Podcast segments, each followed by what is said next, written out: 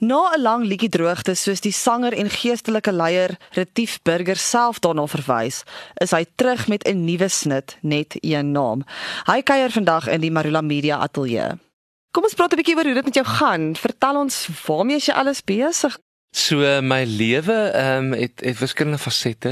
Ek het ehm um, ek verskeie goed waarmee ek besig is. Ek eintlik voltyds leraar by 'n gemeente wat ek lei wat ons eintlik kom plant het in die Laris Park area in Pretoria net voor Covid. Uh, so dit was baie interessant. Ons het lank om beplan en het ons om begin en ja, en toe slaan Covid, maar die Here se genade was so goed. Ons het so mooi groei gesien. So ek lei dit dan is ek met die musiek nog betrokke ehm um, en ek's 'n pa van drie kinders met 'n pragtige vrou.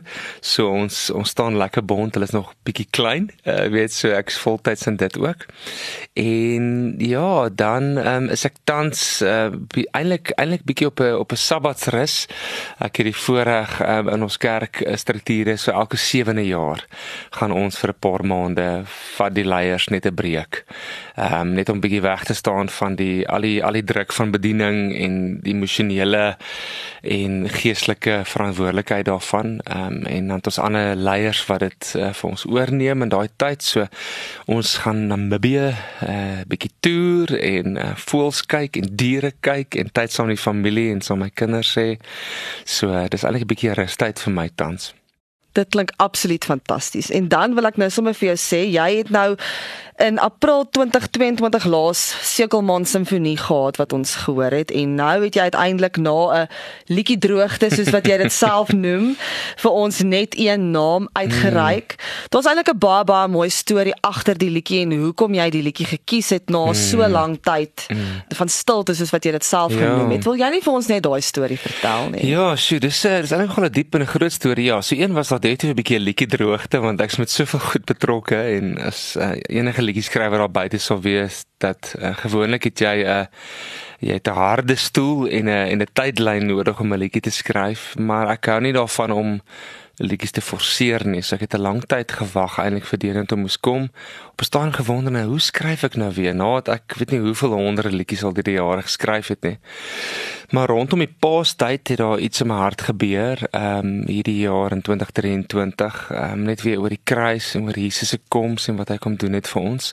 Maar daar was eintlik 'n aanloop tot dit gewees. Ehm um, in Januarie hierdie jaar het ek ehm um, eintlik onverwags ehm um, is ek gediagnoseer met tumor op my pituitêre klier wat in my brein eintlik sit. So dit was 'n groot skok en 'n verrassing vir ons almal en hulle moes nog 'n noodoperasie doen binne 2 weke in die neurochirurg. En hulle kon hom uithaal. Ehm uh, hy was nie kwaadaardig nie, maar dis net omdat hy betyds opgetel was en Ja, baie gevaarlike operasie, maar ek is net so dankbaar uh, vir daai en ek dink daai het my so 'n bietjie tot stilstand geruk vir jy weet mens hardloop nogal teen 'n pas in hierdie lewe. Ek was diep weer bewus van een my roeping wat ek moet doen en daar dan net regtig een naam is na wie ek toe kon hardloop in daai tyd, jy weet, as jy vir jou vrou in die oë kyk en en hulle stoot jou in die teatersaal in en jy besef ek daar's nou niemand anders meer nie ehm um, weet al die vriende, al ons leiers, al my familie is nou weg. Nou is dit net ek en die Here. En dan in daai oomblikke word mense diepste geloof ontbloot. Jy weet wat glo jy nou regtig en is hy nou regtig eerstehands vir my 'n redder en vir my 'n toevlug in daai oomblik. En en ek kon dit regtig beleef. Ehm um, die krag van die woord ook. Ehm um, Psalm 37 was baie op ons harte in daai tyd, so ek het dit sommer opgesê net voor ek weggeraak het onder narkose. En ek dink ehm um, die lied praat ook baie daarvan want die lied se openingswoorde is ehm um, in die donker en die dale en die twyfel en die vrae waar sal ek vashou en by wie sal ek skuil. So vir my is dit baie persoonlik. Ehm um, na die brug gedeelte sê kom nou o my siel en hou jou oë op hom. Kom nou knie kniel en vertrou net op hom.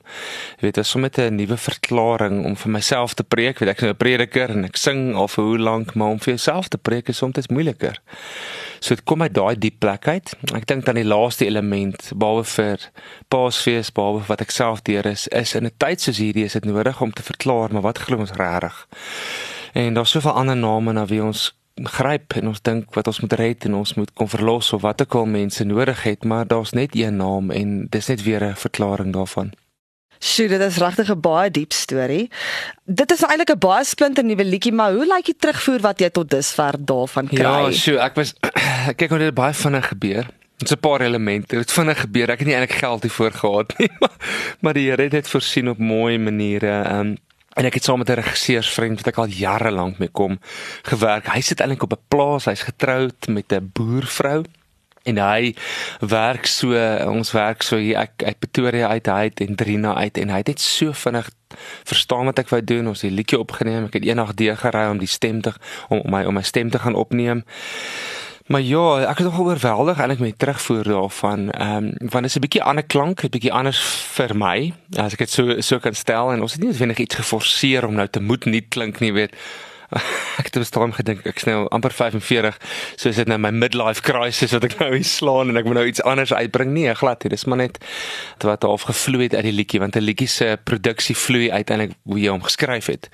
En ons het musiekvideo opgeneem en ja ek um, ek moet sê die terugvoer is nogal oorweldigend goed.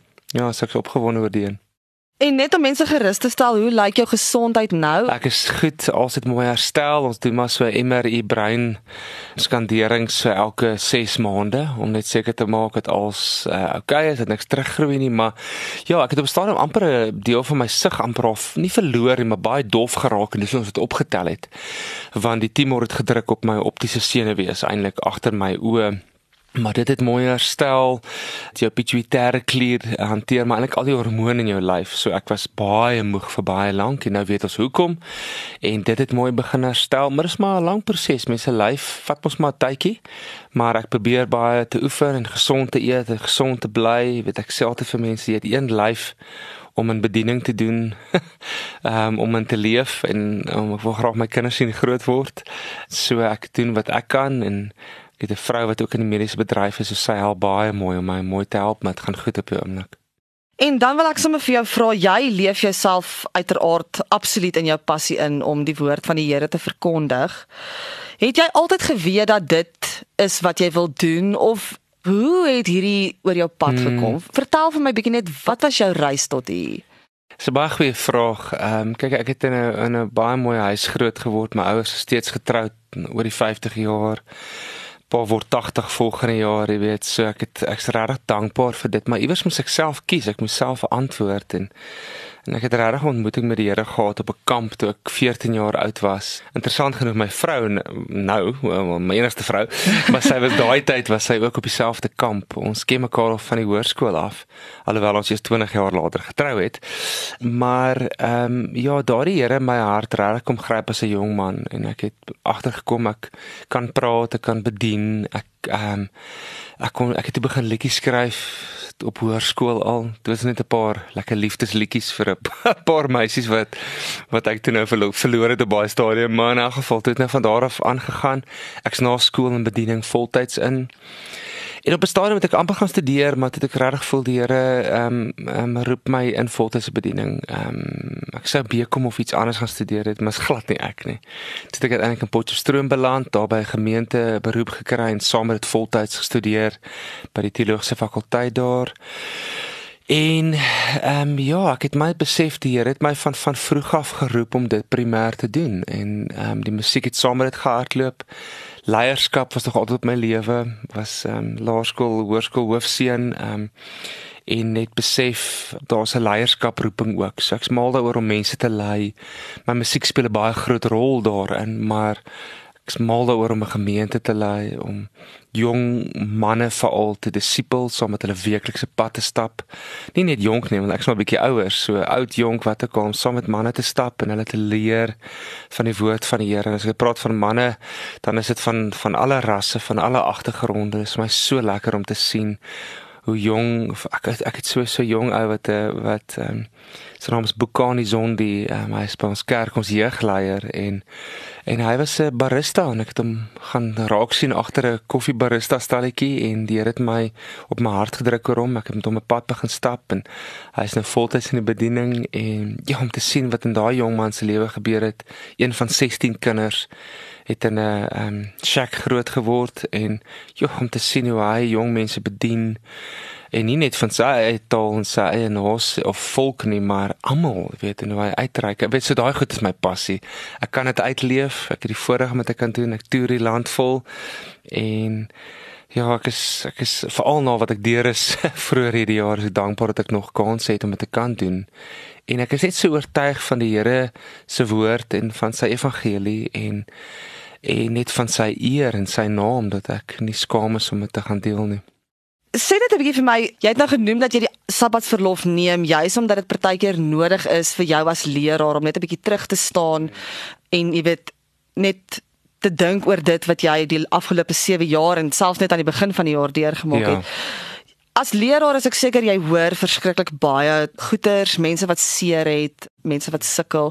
Hoe absorbeer jy dit as mens en as leraar en hoe beïnvloed dit jou dan uiteindelik as mens? Ja, ek dink dit is 'n baie goeie vraag. Ehm um, kyk, um, ons wêreld as jy die media dop hou veral oor see, daar's baie groot geeste in die kerkwêreld wat kom ons noem dit 'n mag geval het wat ehm um, in sonde beland het. Ag nee, die geskiedenis is vol daarvan en dit doen soveel skade aan die naam van die Here. So wat ons as gemeentes uh lank terug besluit het is ons probeer dit voorkomend te doen. So hier is nie 'n reaktiewe rus nie, dis 'n proaktiewe rus.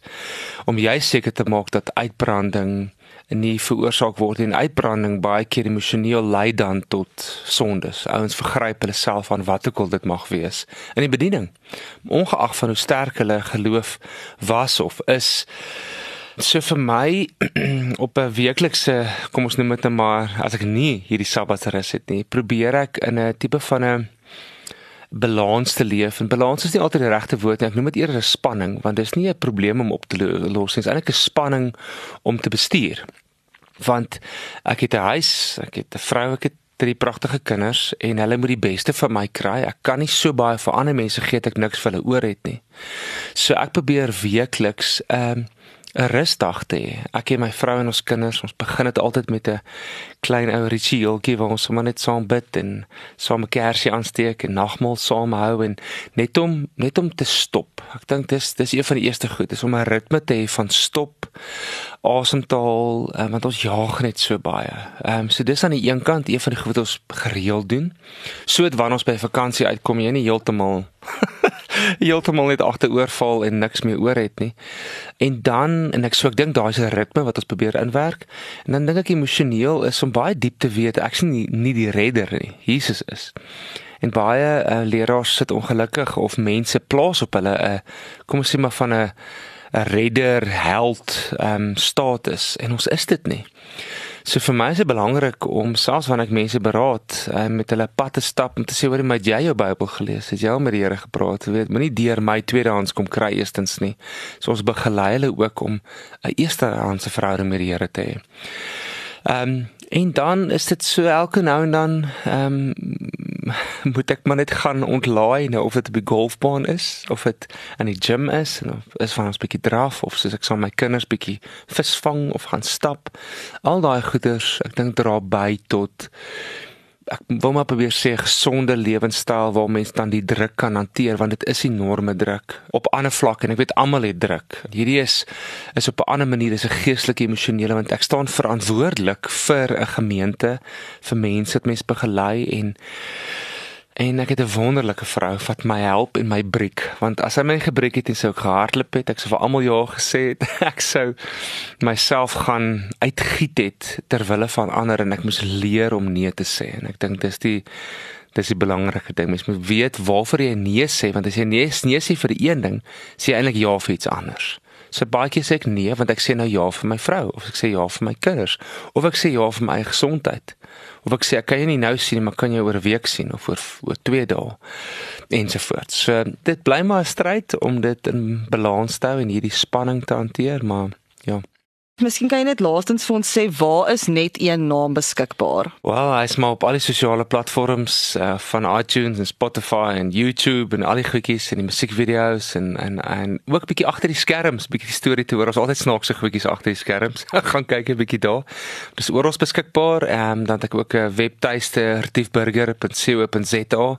Daar's ook al my musiek en al my dinge is daar en ook uh, vir kerke wat dalk die ons noem dit 'n multitracks of backtracks wil gebruik vir hulle kerk uh, om musiek te kan gebruik van my ander musiek is ook al opgelaai, hulle kan dit daar gaan koop. So ja, dis maar dis oor ons beskikbaar. En as mense jou in die hande wil kry vir vertonings of enigiets ook op die webwerf. Dis ook op die webwerf as ook uh, deur my Facebook bladsy, ja.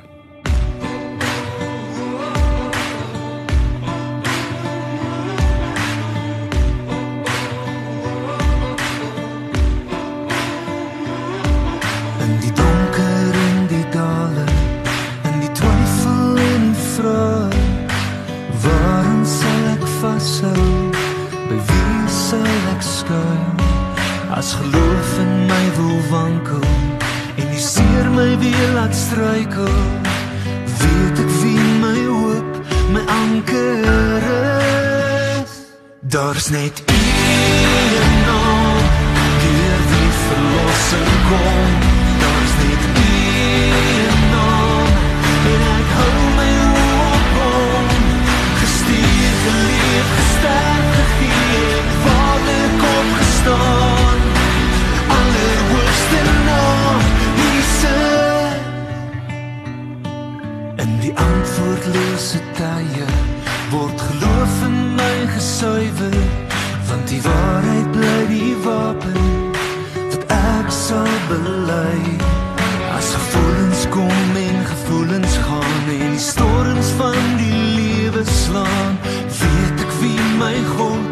memory